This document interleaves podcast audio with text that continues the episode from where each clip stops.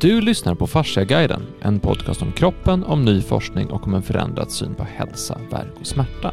Jag heter Axel Bodin och sitter här idag tillsammans med Camilla Rannerodin och med Hans Bodin. Hej! Hej. Och i förra avsnittet så pratade vi om The Living Wetsuit, en bok av Sue Andström som är vårt bok... Adström. Adström, som är vårt boktips den här sommaren. Eh, och vi pratade även om, om fascia och vatten och laddning och easy water. Jag tänkte snabbt bara repetera så vi har en ingång till dagens avsnitt. Och då, vi, vi ju om fascia som det som finns utanför alla celler, flödet, strukturen. Men det som man, vi pratade om då var att redan på 1800-talet så varnar man för en påhittad separation, att det finns egentligen ingen separation mellan de olika delarna i kroppen. Utan det handlar mycket mer om det flödet som finns runt omkring. Och sen nämnde vi Pollack och hans studier om hur laddningen i kroppen skapar den här easy water, vattnets fjärde fas, den strukturen som bidrar till flödet, som bidrar till läkande, som bidrar till rening av kroppen.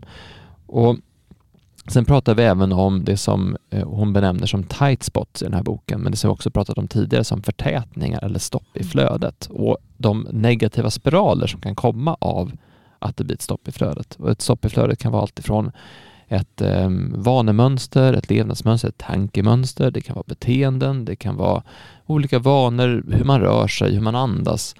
Allt det här kan leda åt en, en spiral som går åt ett, ett håll så att man långsamt eh, får problem i kroppen. Så att, så att nästan allting som man råkar ut för går att hänvisa till stopp i flödet eller tryck i kroppen. Mm.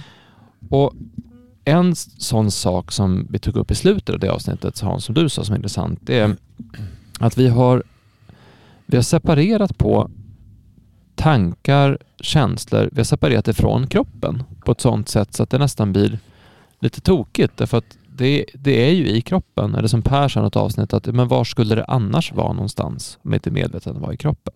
Mm. Och det här tänkte jag bli ett kort introduktion till dagens avsnitt. Vi tänkte prata lite grann om vad som händer när tankar, känslor och upplevelser fastnar i kroppen. Mm. För vattnet har enligt Pollack en extrem kapacitet för lagring av minnen. Mm. Och vi har också pratat om att ju mer strukturerat vatten du har, desto lättare kan ha att komma åt de här minnena eller att komma åt olika typer av eh, kunskapsbanker du har i, i, i ditt medvetande eller vad du har varit med om. Det kan vara användbart när man håller en föreläsning eller spelar en podd eller presenterar eller överhuvudtaget när man pratar. Man minns saker väldigt bra om man har bra strukturerat vatten. Mm. Men vad händer om man har ett dåligt strukturerat vatten? Vad händer om man har råkat ut för någonting som blockerar känslor, tankar eller kroppen eller som förhindrar läkning? Så vi tänkte prata lite grann om trauma mm. och saker man kan råka ut för. Och stress kommer vi också in på och hela den biten.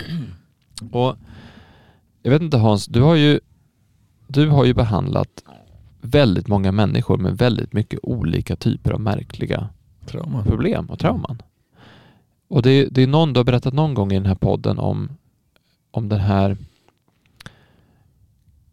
kvinnan och dottern, alltså hon som ville ha en son men fick en dotter. Mm. Och hur det satt kvar väldigt länge mm. i kroppen. Jag tror att det viktigaste man måste förstå först som är, som är ganska intressant är, alltså det är igen det här med vad är vi för någonting? Om vi, alltså om vi separerar, om vi tankar, tankar och känslor de finns bara i huvudet. Eller hur? Mm. Vi tänker med huvudet. Mm. Men det, det, det, det, är rätt intressant. Vi tror vi, tro, vi tror att vi gör det. Men det finns en, det fanns ju en, en, en, en hjärnforskare eh, som jag berättade om något avsnitt. Han hade en pappa som råkade ut för en stroke.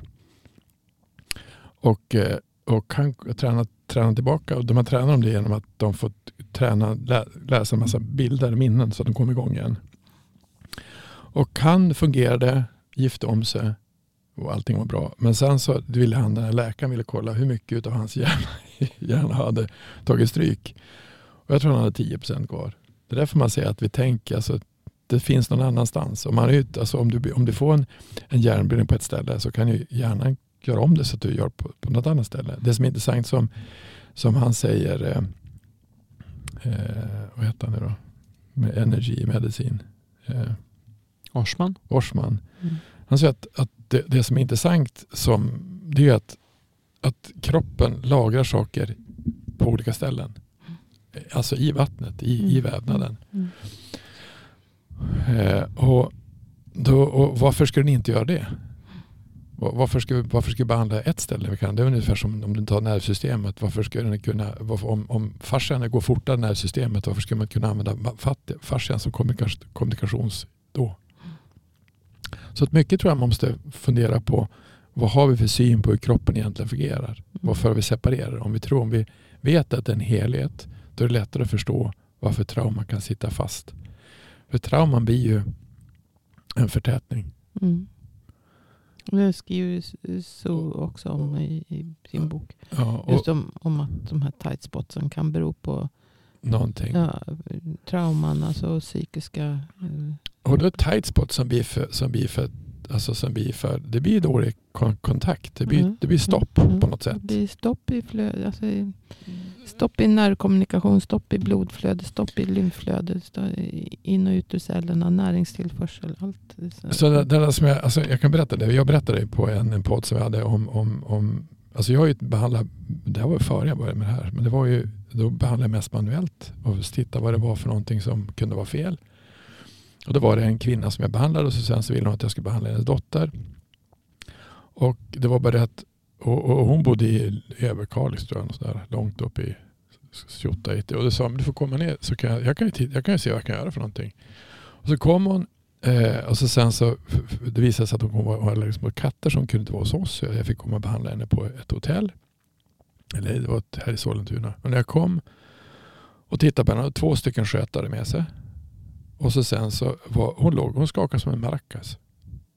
Jag tänkte, vad har jag gett mig in på? Vad ska jag göra med den här kvinnan?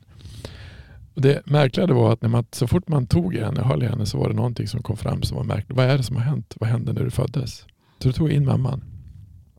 Och så frågade eh, vad hände när hon föddes? Mm. Vad gjorde du då? Ja, eh, jag ville ha en pojke. Visst är det en flicka? Ja. Vad gjorde du då? Jag ville se könet först. Vad gjorde du sen? La bort honom. Så gör man inte, så. Det är inte okej. Så gör man inte. Och så sen så nu får ni be, nu får be henne om förlåtelse. Och du får ta emot förlåtelse från din mamma. För visst, visst tyckte om varandra? Ja, det gör vi. Och på, så fort de gjorde det så slutade hon skaka. Mm. Hon har skakat i 42 år. Då ser man hur, det är ju det är ett trauma. Tänk att du föds och så kommer du, kommer du till jorden och så sen får du bara könet och så lägger de bort någon. Mm. Så det är otroligt viktigt och det tror jag är viktigt i, det är väl viktigt om du tittar på, på däggdjur, som alltså på hästar och hundar och så, och katter. De är otroligt tillgivna. Alltså, det är Ja, alltså, första kontakten och, och slicka och liksom lära sig känna igen sin unge. det är jätteviktigt. Det måste vara lika, eh, inte kanske lika, men eh, just med kejsarsnitt. Så när de bara sliter ut barnet och då sliter de ju iväg det till ett annat rum direkt. Det är nog inte så bra. Nej, sen, sen får man ju tillbaka det så att det, det är ganska snart. Om, Mm, Men det, ja. så att det, men det måste ju vara... Så jag tror att det, det som är, man, man, när man, man förstår att trauman kan lagas i kroppen och de kan lagas länge. Därför, och det, eh, sen är frågan varför gör det det? Alltså vad är det som gör att det sitter fast? Och jag tror mycket att det, att det sitter fast därför att man har, man har fastnat i det. Alltså man har fastnat i ett beteende som är sånt. Mm. Eh, och Därför det, om vi säger så här. Hemska saker händer de flesta människor. Någon gång på något sätt. Sen är det olika, vad som är hemskt för dig kanske inte är hemskt för mig eller sådär. Det kan ju vara olika grader av, av sådär. Men, men, men alla råkar ut för saker. Alltså alla vi har varit med om saker Ja, som har varit hemska. li, livet pågår. Livet pågår mm. liksom. Det är en del av det som händer. Det som jag tror vi- tog upp i något avsnitt var vår individuella förmåga att hantera det som kastas åt oss. Vi pratade lite grann om det här när vi pratade om människans potential. Alltså när man... För att vi pratade om, om avsnitt om rädsla. För då var det ju eh, gamla såna krigarkulturer. De kunde gå in i extremt stressfulla situationer och inte vara rädda. Utan de tog in sin rädsla, kände den och sen så bara accepterade den som var de där. Så, att, så det som gjorde vissa helt livrädda kunde de gå in och bara, bara vara i. För man, man kunde lära sig att hantera rädsla. Eller det är samma sak med om du är en extremt under kris är det vissa som blir otroligt, som bara kliver fram. Mm. medan vissa bara faller ihop. Mm. Och när man möter stora utmaningar kan vissa alltså, känna, bli helt överväldigade och vissa klarar det på ett annat sätt. Och det där är, har ju lite att göra med ens, ens förmåga att hantera saker. Mm. Och beroende på vem man är, när det var, hur det såg ut, hur man var i den stunden. För det kan ju vara så att man har en förmåga att hantera det nu, men man inte hade det då. Mm. Så reagerar man på saker på olika sätt. Så det som kan vara traumatiskt för en person kan ju vara ganska, ganska okej för en annan person. Mm. Men tänkte lite på det här, för jag satt och antecknade lite grann när, ni, när, ni, när vi började prata om det här. För du, du har ju... Okej, så det sitter i kroppen. Det kan vi konstatera. Mm. Det har vi både sett och det finns ju väldigt mycket som tyder på det när man tittar på just Pollack, Pollacks forskning om, om lagring av, av minnen i vatten, om vi tittar på upplevelser man varit kring, kring olika erfarenheter, om man tittar på sitt eget liv och hur man minns saker, hur snabbt man kan minnas ett ögonblick man råkade ut för för tio år sedan. Alltså sådär. Mm. Vad är det då som gör, vad är det som ligger bakom förmågan att hantera det och hur kan man gå vidare från det? Och nu ska jag komma med en här popkulturell referens här. Mm. Eh, det finns en serie som heter Ted Lasso som är otroligt eh, underbar. Den handlar om en, en fotbolls, en amerikansk fotbollstränare som får ett jobb för, i brittiska Premier League. Alltså han ska bli fo, fo, Okej. alltså europeisk fotbollstränare. Kan ingenting om fotboll. Eh, och när jag sa det till min fru, så här, det här borde du se, hon bara, "Nej, men det lät inte så kul.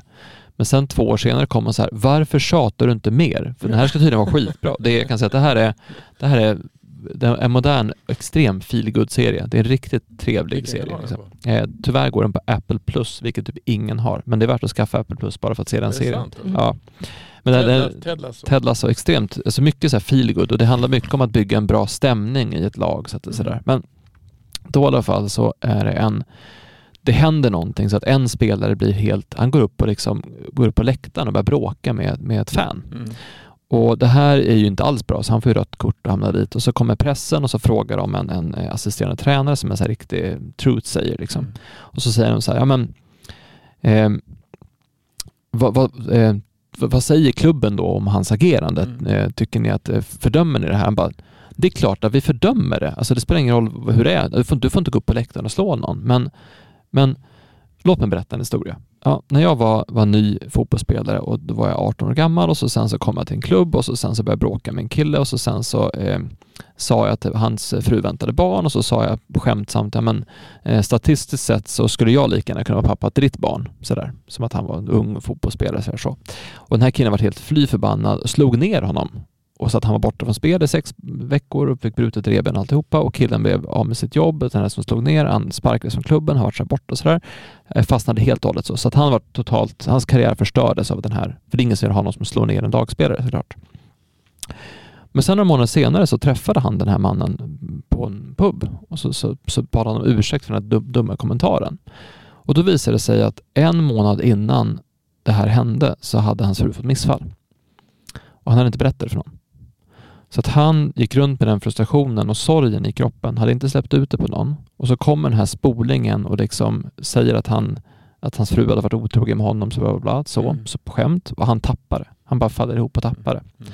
Så då sa han så att jag vet inte vad som hände i hans liv, han den här fotbollsspelaren som gick upp, men ingen av oss vet vad som händer i någons liv egentligen. Ingen, ingen av oss vet vad som på, försiggår i människors huvud. Så att när någon gör något sånt här, då finns det säkert en anledning och då ger jag honom kärlek. Mm. Och det här säger liksom den mest hårdkokta liksom, Mm. killen i laget. Men det är ganska intressant det där för att vår reaktion när någon gör någonting dumt brukar oftast vara att vi fördömer. Mm. Att vi blir sura eller att vi är upprörda. Att vi säger så där kan man inte göra. Mm. Men egentligen så kanske det är precis tvärtom. Att man borde ge, ge kärlek istället. Mm. För ta, ta den här kvinnan då med barnet. Alltså man gör ju inte så. Mm. Men det är ju förmodligen Förmodligen var ju någonting i henne så trasigt Mm. att hon gjorde så. Mm. Så att hon skulle egentligen behöva kärlek. Mm. Och det tror jag inte riktigt vi tänker på. Alltså det är, det är oftast inte så vi ser saker. Att vi, att vi möter... Ta, alltså för alla människor som egentligen är mår dåligt eller är osäkra. Det är de som gör dumma saker. Mm. Det är människor som inte tycker om sig själva som, som är elaka. Och då kanske de egentligen ska ha kärlek. Och det tror jag är det svåra i det här med typ älska dig nästa så som dig själv eller så. Att det, det är svårt att det är svårt att, att ge kärlek till folk som är onda. Mm. Men det tycker de inte. Alltså det, det, o- det, ehm, det, det blir ju ganska avväpnande Mm. att ge kärlek till någon som inte är snäll. Mm. Det är ju inte det man förväntar sig när man gör något dumt, att få kärlek tillbaka. Nej, men jag tror både, både eh, Gandhi, King eh, visar ju det att det, det man, det man, ska man se, alltså egentligen så vi, ska man göra något ska man försöka se, alltså protestera med, med eh, non-violent communication. Så att man, man protesterar mot någonting, det är fel. Men man gör det med, med förlåtelse, med kärlek. Mm. Och det gjorde ju, alltså jag tror att en kompis med han var, han var i Sydafrika och nära, den heter väl, man hade någon, någon kommission för att man skulle försöka förlåta. Alltså hela landet. För det var varit ganska grymt. Jag kommer inte ihåg, sanningskommissionen tror jag det hette. När man vittnade i rättegångar om vad man hade gjort för någonting med svarta och vita och hit och dit fram och tillbaka. Och det var ett sår som behövdes förstås och läkas. Eh, annars hade du ingen nation. Annars blir det totalt kaos igen. Det svåra egentligen som, eh, det är ju att förstå att vi är 99,9% lika och alla är förmodligen mycket mer lika än vi egentligen tror att vi är. Fast vi är olika. Så det, det svåra egentligen som, som finns, som, det finns ju många citat både i alla, men, men alltså som i kristendom säger väl Jesus säger att döm, ta, ta ut bjälken ur ditt eget öga först innan du tittar på skärvan i din, din nästa. Utan för det egentligen menar det att så fort vi fördömer någonting så fördömer vi oss själva. Det är i, vår, i oss energin är. Det är oss rädslan är. Det är oss eh, separationen är. Så det häftigaste som finns egentligen om man tittar på, på, på läkprocess. Det är, ju, det är ju kärlek. Så det jag sa till henne det var att ni, ni älskar varandra, eller hur? Hon kvinnan och, och flickan. Och det gjorde de ju. Men det var ett sår som, inte, som inte, de inte visste om som fanns. Eh, som inte var klart. Men man förlät det när man accepterade det. Att, alltså, egentligen är det så att alltså för kroppen, alltså den lever ju. Sen så, eh, varför ska du haka upp det? Jag brukar säga det, varför, var, alltså det föds nya celler och det dör och dö, dö, dö, dö, föds nya dör, dö, alltså allting händer hela tiden. Så, men kroppen måste vara kvar i det där. Alltså det kommer nya celler hela tiden. Och hur de, hur de interagerar, hur de lever, det förstår ju inte vi. Vi förstår ju inte att vi har en fruktansvärt massa celler och en massa mikroorganismer som är runt omkring oss hela tiden. Men det vore väl synd om vi fastnar i ett beteende egentligen. Och det gör vi oftast. Det, jag tror att de mest, eh, det säger också med kristendom, Jesus han säger så att låt barnen komma till mig för de är limericket till. De vet vad det är för någonting. Och egentligen så är det ju, man brukar säga de som är mest levande och det är ju barn och äldre. Eller hur? Mm. Eller jag satt och kollade på den här intervjun med Kai Pollak, nej, Gerhard Pollak, han är 82 år gammal, han ska ha pengar till ny forskning. alltså, och hans idéer är helt, de är helt skithäftiga. Mm. Alltså han vill göra något annorlunda. Men han har mycket strukturerat vatten för han är så energifull. Exakt. Så att jag tror att, att mycket av sådana här, eh, alltså mycket av eh, trauman som finns, det är ju att man har fastnat i ett beteende som inte, som inte kroppen vill ha. Och det beteendet behöver inte vara, det behöver inte vara i princip negativt heller. Det kan bara vara ett, ett, för mycket av samma film. Alltså för mycket av samma film. Och, och det är ju, sen att det, om det går att vända på det, eh, eh, det gör det ju. Om man förstår att allting sitter ihop. Men om det går fort eller långsamt, eh, om man eh, gör om det igen, det gör man ju förmodligen. Man kommer göra om det igen i alla fall. Men, men är det för mycket av samma typ av beteende så blir det jobbigt till slut att, att gå runt med det. Det sitter ju oftast alltså fysiskt som en sån här tight spot som man pratar om, eller Mm. som en förtätning. Alltså det har ju inte bara att det, det liksom ligger och skvalpar på ett ställe, utan ett, en, en negativt upplevelse ligger oftast kvar någonstans som en, som en låsning någonstans. Att låsningen i sig kan ju vara kopplade till, till själva traumat. Så att det, alltså man måste jag tror man ska sluta tänka på det som att det här är ett minne och en upplevelse från en svunnen tid tillbaka någonstans där, utan det här är någonting som, som finns i kroppen. Alltså allting, jag, allting jag tänker på finns i min kropp just nu. Därför är det så viktigt att jag funderar på vad jag faktiskt tänker på och hur jag faktiskt lever. Så att, så att allting jag tänker på finns i kroppen precis just nu. Så tänker jag på det här traumat så finns det i min kropp. Jag försökte faktiskt inför att vi spelade in här försöka komma på någon traumatisk upplevelse, men, men jag kom inte på någon. Jag har varit med om traumatiska upplevelser, men jag kunde inte komma på någon. Så det, det var ju kul att jag upptäckte att, inte, att det inte satt någon här just nu. Men så att det är ju en sak att man, man ser vad det är för någonstans och så. Och då kan man ju med, jag skulle säga framförallt beröring, eh, men också såklart behandling, vilket också är beröring, så kan man ju börja, börja röra upp det här, börja stimulera det här och få fart på det här flödet. Men jag tror att en, en utmaning här som kan vara lite lurig, det är att vi, vi har ju en tendens att vilja förstå saker. Och vissa saker är väldigt svåra att förstå. Mm. För vissa saker kanske inte ens har en, en logisk förklaring. Alltså när, om någon har gjort något dumt mot dig så kanske det inte fanns en logisk förklaring. Det kanske Nej. bara var så att det hände. Eller det kanske bara var så att det, det var någonting som, någonting som bara var. Och man kan men, men, men hamnar man i den, för det, jag tror vi pratade om det här i avsnittet som handlade om, om läkning genom samtal. Faran i att, att börja gräva för mycket i att försöka förstå och få en förklaring till att saker hände. För, för förklaringen blir inte tillräcklig. Nej, men jag tror att det som är alltså läkning, alltså det, kroppen är fysisk. Alltså den är, alltså förtätningar är fysiska. Mm. De, de är, de, det, är, det, är, det, det är fläckar som är, där det är dålig cirkulation. Ja. Och, och det som är häftigt då, att den här, de här cirkulationspunkterna kan gå igenom hela kroppen. Som Karla Steckos sa, du kan se en, en whiplash som kan sitta längre ner, Mm. alltså längre ner i kroppen. Mm. Och förklaringen på det, det är dels att, att du har en, en, alltså rent fysiskt har en förklaring som är att, att det är ett tryck. Och trycket, alltså tänk om du blir skiträdd.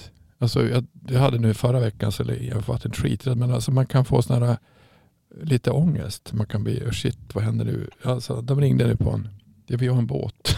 så de ringde på måndag morgon och sa att den hade slagsida. Jag tänkte åkte dit och sa ja det var, det var intressant. Ska För vi, de som inte vet vad det betyder, vad betyder slagsida? Ja, den lutar. Och så, den är skitstor. Då tänkte jag, ja det var, det var intressant. Ja, kan- ja, ja men man, jävlar vad, förl- och tänkte, jävlar vad jag förlorar pengar och vad tråkigt det vart och allting sådär. Och, och, ska, och den kanske sjunker och hit och dit. Från. Utan man kan tänka hundratusen tankar när man kommer dit. Och jag åt inte frukost, jag åkte dit pang, pang på en gång. Jag, tog, jag var i alla fall tänkte, jag tar med mig en pump. Så jag tog med mig en sån här en, en vattenpump som jag får pumpa ur poolen. Jag tog med mig den och det var bra att jag gjorde det. Och så visade det sig att ja, det var ju lite vatten i båten. Och det hade ju regnat så mycket. Han som hade ringt, han hade ju ett slagsida, han vinkade på mig på andra sidan, du är här nu. Men det var ju inte så farligt. Det var lite vatten som hade, fanns och det, det, var, och det är någonting som gör att den lutar lite grann men det var ingen större fara. Så att istället för att det här enorma, om ni känner det när man har varit med om någonting, alltså man har krockat, alltså den där ångesten man kan få, det gör ju ont i hela kroppen. Men det har ju inte hänt någonting. Om, och det har inte hänt något med mig, det är ju en jädra båt. Som, det, det, har, det har inte ens med mig att göra, Mm. eller hur? Mm.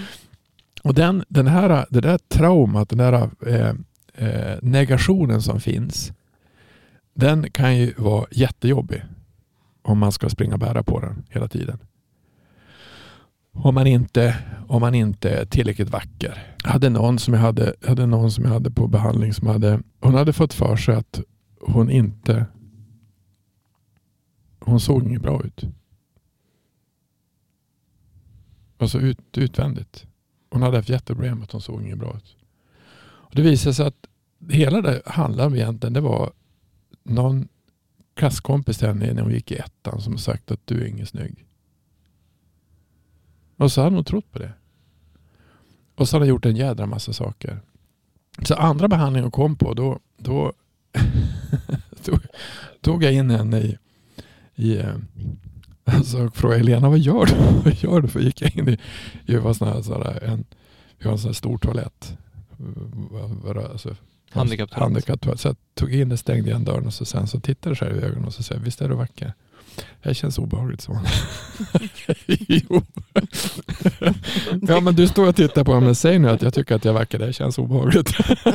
nej, nej, men du är ju vacker. Eller hur? Det känns jättekonstigt så. Men titta dig själv rakt in i ögonen. Visst dug du som det är, visst är du vacker. Ja, och då kom det nästan, det, vart, det var nästan så att de tyckte det att det var. För det är viktigt också att man, att man ser vem man är, Mm. eller hur? Att man ser att, att det är inget fel på mig, utan det är, någons, det är några konstiga tankar om det och det kan bli jättejobbigt. Mm. Tänk man ska springa och leta, alltså man tycker att det, tänk dig då om du har 600 miljarder celler. De säger, vad är det för fel på oss nu det, hon tycker inte att vi, de tycker inte att vi är vackra. Vet hon hur vi ser ut? Eller hur? Vet hon vad vi gör?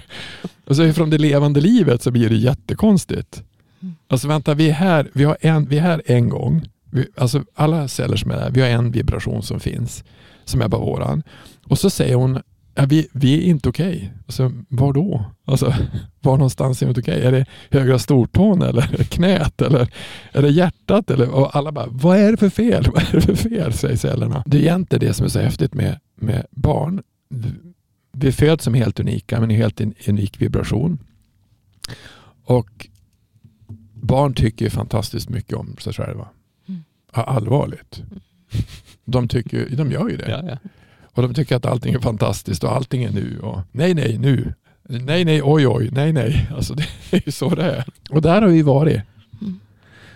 Så, så jag tror att alltså, om man tittar på mm, tillbaka, vi pratade om förra, förra avsnittet om, om The Secret of Water, att eh, det man kom fram till, de som hade, de hade hittat en sån här vattenkälla i vad var det? Venezuela. Venezuela. Och det var, jag tror det var 30, 30 000 gånger mer energi i det vattnet än vad i vanligt vatten. Mm. Och de som har varit där var ryssar. Ryssar håller på med sån där konstig forskning. Då kunde de mäta auran, alltså strålningen utanför med någon typ av värmekamera. Och att de hade varit där hade ökat deras strålning, alltså fält utanför. Det, det pratar ju så också om.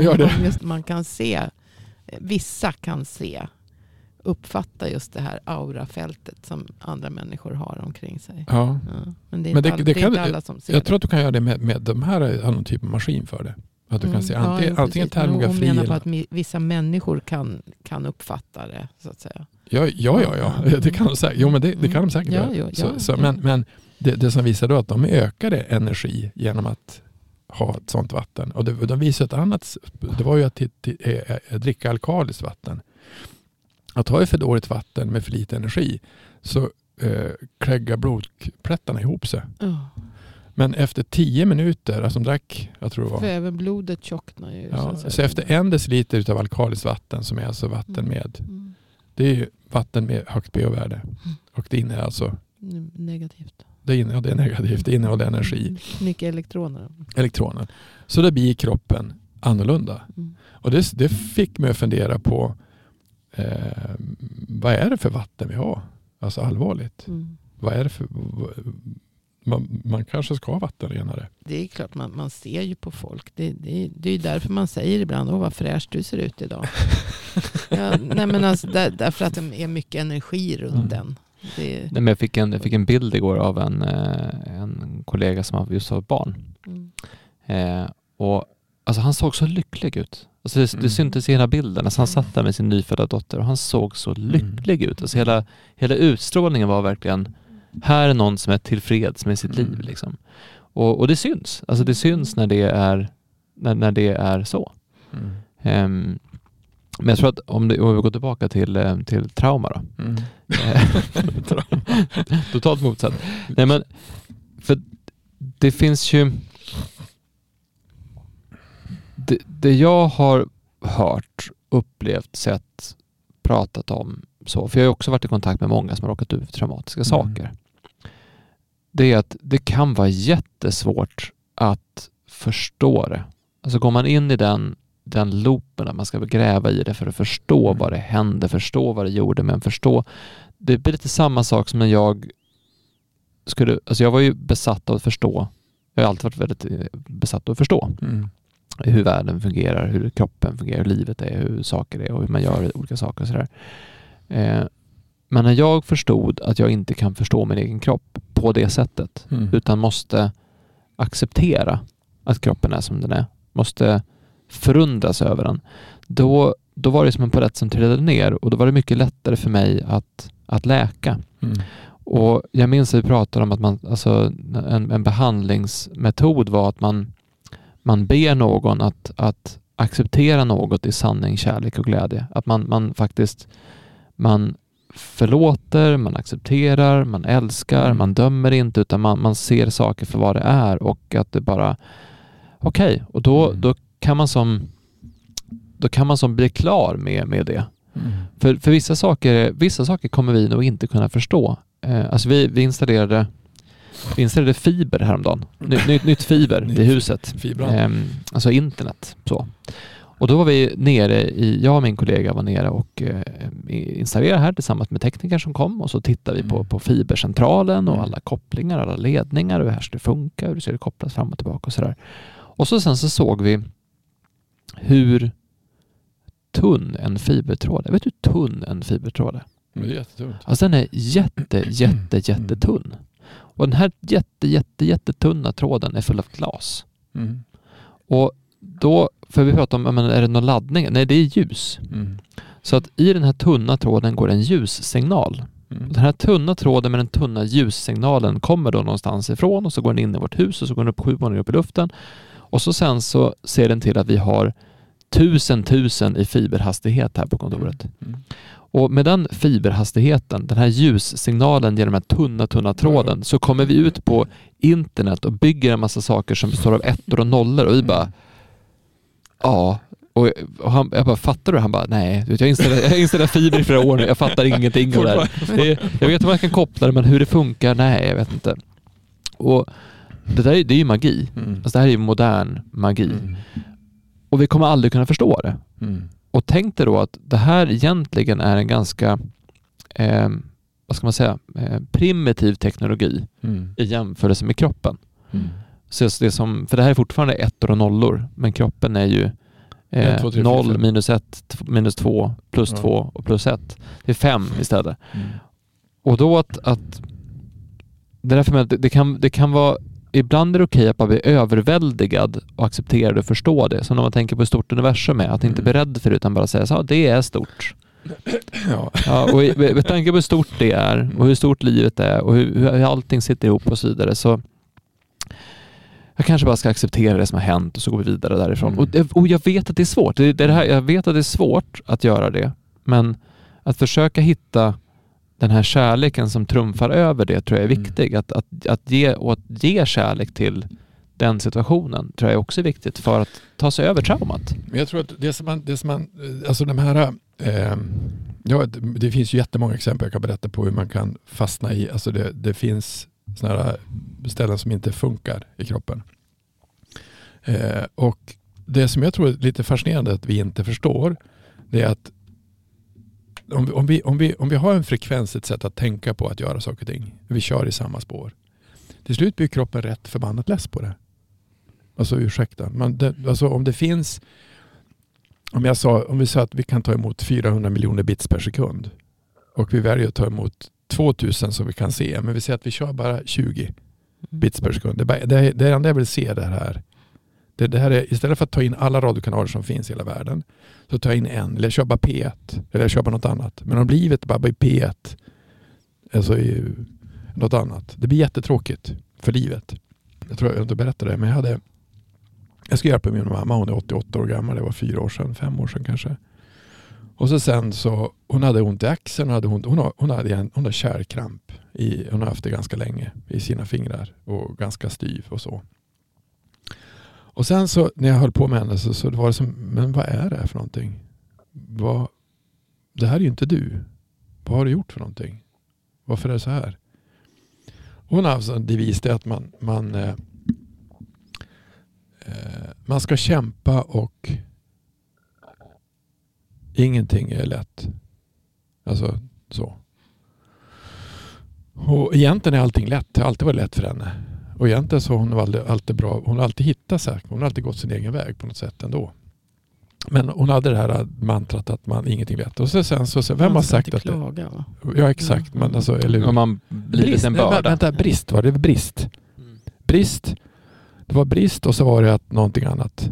Eh, livet är inte lätt eller något sådär. Något sådär. Mm. Men framförallt var det brist. Och då och hon har alltid berättat det, det, det, det som berättar om vi hade ont om mat och hit och dit fram och tillbaka. Jo, men jag har aldrig upplevt det. Alltså, jag är född på 60-talet och det är klart att det var så. Men då säger jag, vem har sagt det här till mig? Ja, det var ju Mimmi, alltså min mormor. Och hon sa det, och när jag tittar på det så har hon sagt det mer därför att hon var så glad och hade så mycket pojkar som tittade på henne. Hon hade sex bröder och en pappa. Så hon var ju ljuset i familjen. Så till slut var ju mormor sa att du ska inte tro att det är så enkelt allting. Utan nu ska nog få kämpa du också. Mm. och då tog hon ju det som ett visdomsord från sin mamma. Men hon kanske sa det i, ett, i, ett, i en liten aggression att du ska inte tro att det är så enkelt bara för att du är så uppmärksammad.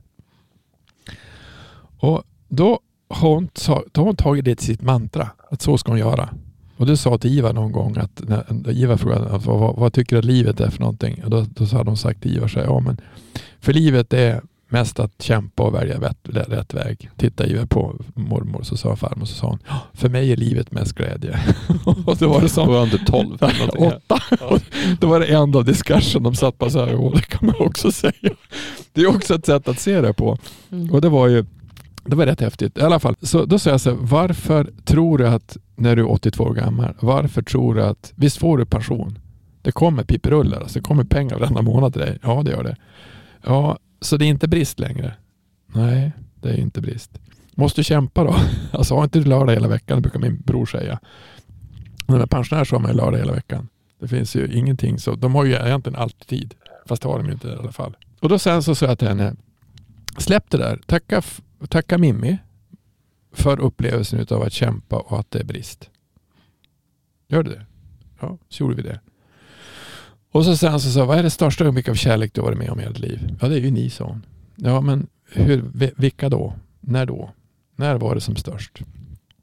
Ja, så berättade hon då om en förlossning som var och så hur det var att, att det gick så bra allting. Skicka det till händerna och se vad som händer då. Och så gjorde hon det. Och det var precis som att då, då får allt den här, det som var förtätningar, det får bort. Det läkte. Det var precis som att det som var artros, som var inflammation eller reumatism, det var som att ta i pepparkakor. Alltså som man håller pepparkakor som så bara försvann. Smular, smular sönder. Så det kanske, det kanske också är ett sätt att få easy water. Att skapa energi i kroppen genom att hitta minnen som är extremt positiva. För om jag ser på en film så här, Livet är underbart alltså, från 40-talet. Han som vill att han ska dö. Alltså, vi provar det i ängen. Då gråter jag alltid. Därför att det är så, det är så fint. Så, så fort vi ser någonting som är kärlek. Alltså riktigt då är vi berörda, då gråter vi. Eller hur? Om någon säger som jag brukar säga när Camilla är på föreläsning och så Åh vad duktig du är. Nej det är jag inte. du brukar också bli rörd när du får beröm. Det får man ju, mm. eller hur? Så tänk om det är tänk om det, det motsatta till trauman är kärlek och överflöd. Så de starkaste orden som finns i, i, i som, eh, som man sa emot att hitta det är ju, det är ju eh, compassion och kärlek. Love and compassion, alltså med, medmänsklighet eller compassion, medkänsla. Tänk om det är det som är det häftigaste vi kan vara. Alltså istället för fördöma, acceptera och förlåta. Eller hur? Så det starkaste ordet man kan göra egentligen, det kanske är förlåt. Och det kanske är, alltså, för att, om man säger att acceptera någonting i kärlek, sanning och glädje, det är kärlek i kärlek, i sanning och glädje. Sanning därför att det är faktiskt sant. Jag har hållit på med det här ett tag. Och om man tittar ifrån cellnivå, du måste ju skratta åt det, det är så dumt så det finns inte. Varför, varför, säger du att det är begränsat när du har så mycket celler så är det sant? Det är ju tokigt. Mm. Eller hur? Mm. Och sen då, att, att, att, att då göra i kärlek, att, att ta emot det andra frekvensen som är. För att om det är sådana här spot som är ingen energi, som är tröga, då måste vi få igång flödet. Du måste ju lösa de och, förtätningarna. De om de förtätningarna är en upplevelse mm. som du sitter fast i, mm. då måste du släppa upplevelsen. Mm. Och då är upplevelsen också fysisk. Mm. Och vilket vi inte förstår, men det är ju faktiskt fysiskt. Mm. Rent. Mm. Jo, men det vet väl alla som behandlar folk att, att alltså, har man sådana här förtätningar och, och spänningar så att säga, som beror på trauman och, och som har suttit länge. Alltså folk, det gäller ju att försöka lösa dem så fort det bara går. Det säger hon ju också. Mm. Men, för om man får bort dem så, så lagras det ju inte. Nej. Men, men an- när, folk, när folk får behandling som sådana förtätningar som har suttit länge. Då kan man ju bara helt plötsligt börja gråta. Och, Ja, ja, alltså, eh, det är ju väldigt vanligt att folk börjar gråta vid en behandling. mm. Och, och man förstår inte varför. Man förstår inte själv varför man gråter. Mm.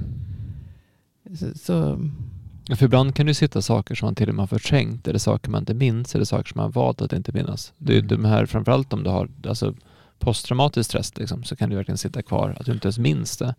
Och, alltså, jag tänkte på, på när, du, när du sa det här med, med kärlek och förlåtelse, den biten, så tänkte jag så här, kan det vara så enkelt? Kanske någon tänker då.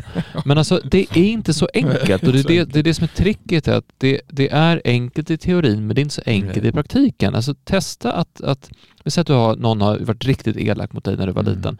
Testa att skicka kärlek dit. Mm. Testa att älska den personen och verkligen, verkligen känna den känslan. På samma sätt så, så pratar vi också om att, att det är jätteviktigt att gråta, för annars får man, var någon som sa det, att man får översvämning inombords och så- och sånt där.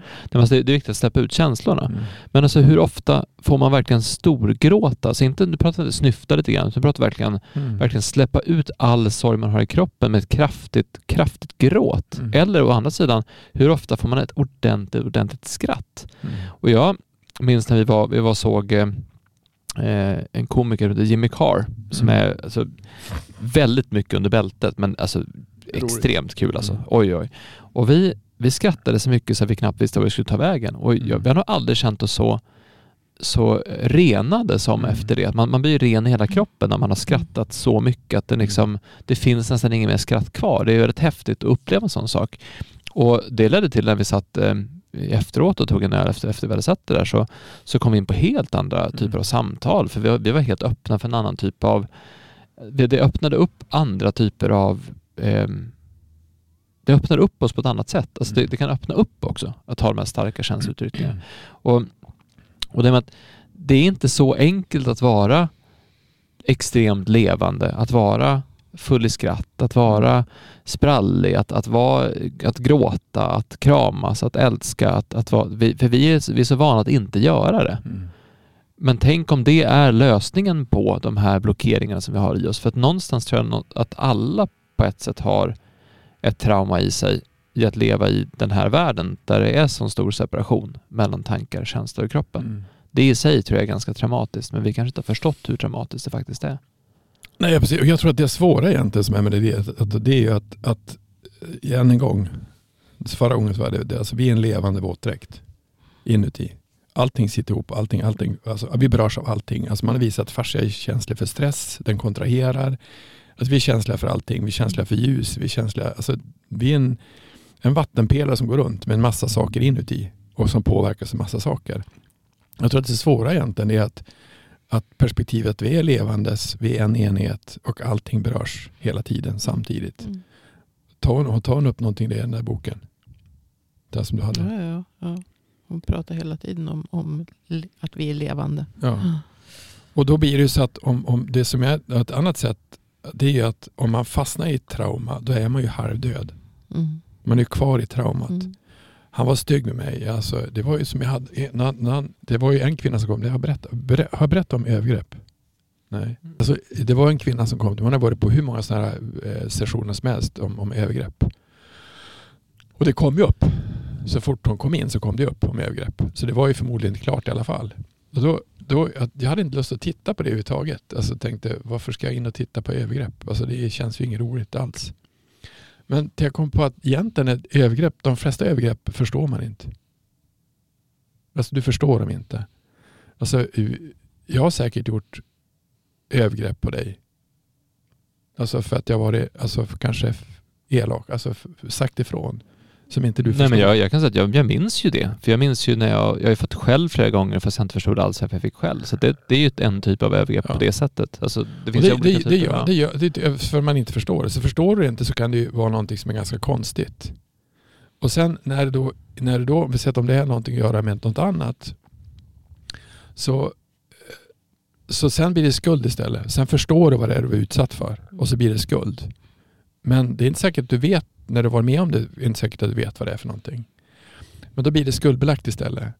Och då är det lättare att förstå det. Att det är, att man inte, man, det är ett övergrepp som man inte har förstått. Men sen har man skuldbelagt det. Mm.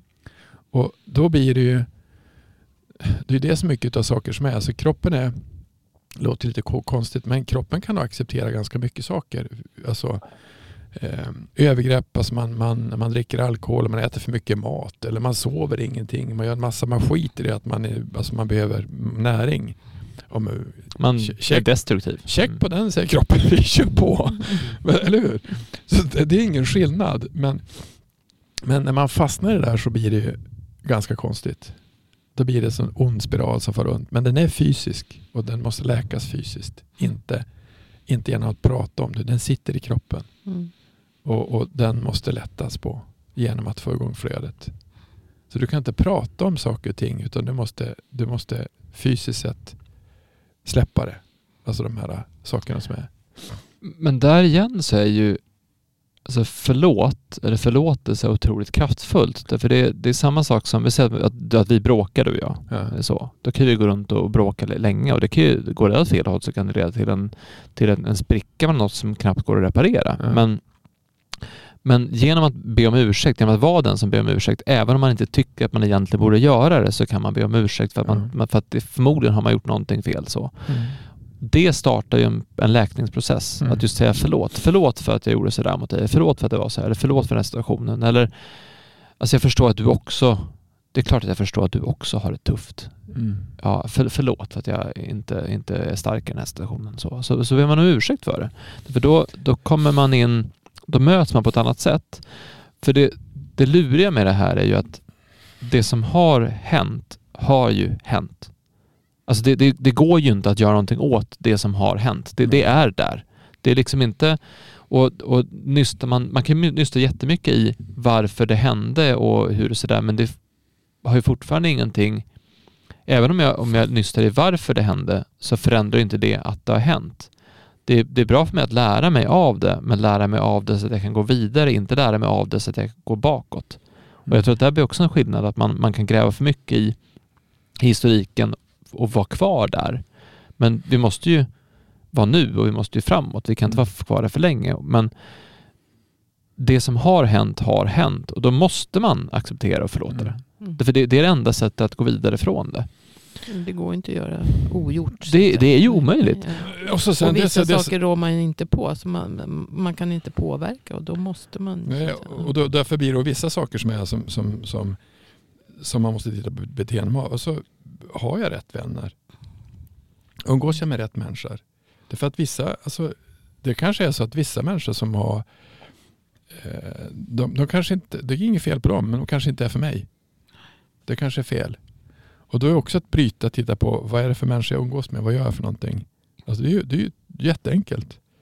Ja, eller vad lockar de fram hos dig? För det är väl det som är... Alltså om, om du är med människor som lockar fram negativa mönster så blir det ju svårare att, att vara läkande i sig om man vill det. Och det kan ju vara folk som stärker ett missbruk eller stärker ett trauma eller stärker en sån situation. Men vi hade en sån, vi har tittat på, på ett projekt som vi kanske ska köra igång som heter om whiplash. Whiplash kan ju vara, det är, det är ju dels ett, det är, det är ju de facto en, en blockering i nackrosetten. Det har ju Torsten Gård visat att det är en kronisk inflammation i nackrosetten. Det finns säkert på andra ställen också. Men sen eh, så hade jag pratat med Åke om det, om vi skulle köra en studie på det och hur vi ska lägga upp den. Vad ska vi göra med de som har trauma då? Och Ja, för det är ju trauma också. det är trauma också. också. Så, så frågan är då, när man ska göra en studie, är det, då kan man inte göra och ha med trauma i det. Mm. Därför att det Fast det, blir, det går inte att separera det heller. Det, är- det är samma sak. det är helt vansinnigt. det, Det är helt- liksom en, en enda stor helhet. Så Du kan inte separera Du kan inte separera traumat från... Nej det går, för det är klart att, så, så att det, det är ganska intressant att när man då ändå tittar på det från ett helhetsperspektiv så ska man se, separera saker och ting. Men det är klart att, att, att en whiplash är ett trauma. Mm.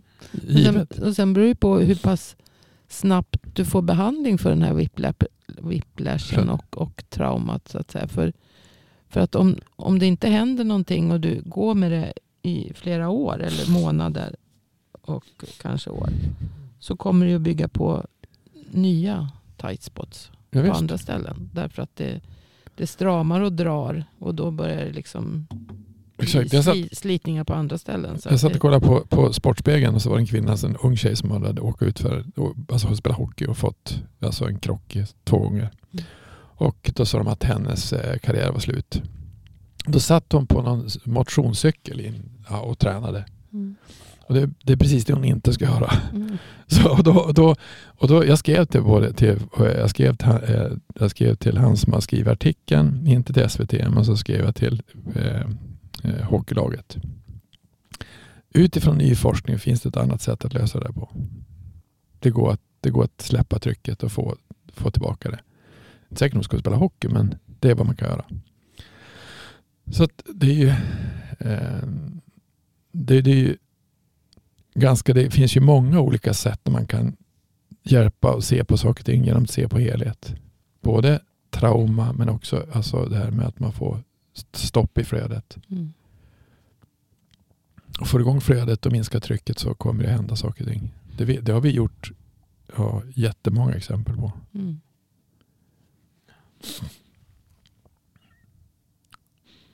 Nej, men det, jag tror det är viktigt att, att se vad som har hänt. Alltså att Mm. se vad det är som har hänt. Ja. Inte blunda för utan se det med, det här hände. Acceptera att det har hänt. Inte, för det, man kan ju också trycka undan det eller, eller ignorera det eller låtsas att det finns eller dämma upp det eller liksom gömma det i något skåp någonstans. Men att se det som har hänt, hur hemskt det kanske var Ja. och hur, hur hemskt det var i den stunden för att inte den, den personen man var när man råkade ut för det får inte heller eh, förminskas eller tryckas undan utan den måste ju få, få uppleva den smärta som det här var Mm. och sen acceptera att det har hänt Mm. Och försöka att älska det och förlåta det Mm. om man ska kunna gå vidare. Och jag tror att det är ganska nödvändigt för att ta sig förbi ett, någonting traumatiskt oavsett hur mycket man tror att det har format en eller inte. För alltså det, som, det som ändå är fascinerande med oss människor, jag tror att vi på samma sätt som vi underskattar vår elektriska potential som vi pratar om, Mm. vår förmåga att läka som vi pratar om, så har vi också underskattat hur kraftfulla våra tankemönster faktiskt är. Mm. För att allting du ser runt omkring dig nu i princip, eftersom att vi nästan lever i en helt artificiell värld, Mm. allting du ser runt omkring dig just nu är skapat av människors tankar. Mm. Och sån kraft har vi, att vi kan skapa saker med våra tankar. Mm. Och det är inte bara i vår omvärld utan det är också i vår inre värld. Vi skapar vår kropp med våra tankar. Vi blir bokstavligen vad vi tänker och känner. Och därför blir det väldigt viktigt att förstå att vi kan själva sätta oss på den här, den här onda spiralen, den här onda tankespiralen Mm. som inte bara gör att traumat inte släpper utan att traumat förvärras. Då blir vi vårt trauma istället för att vi släpper och går vidare.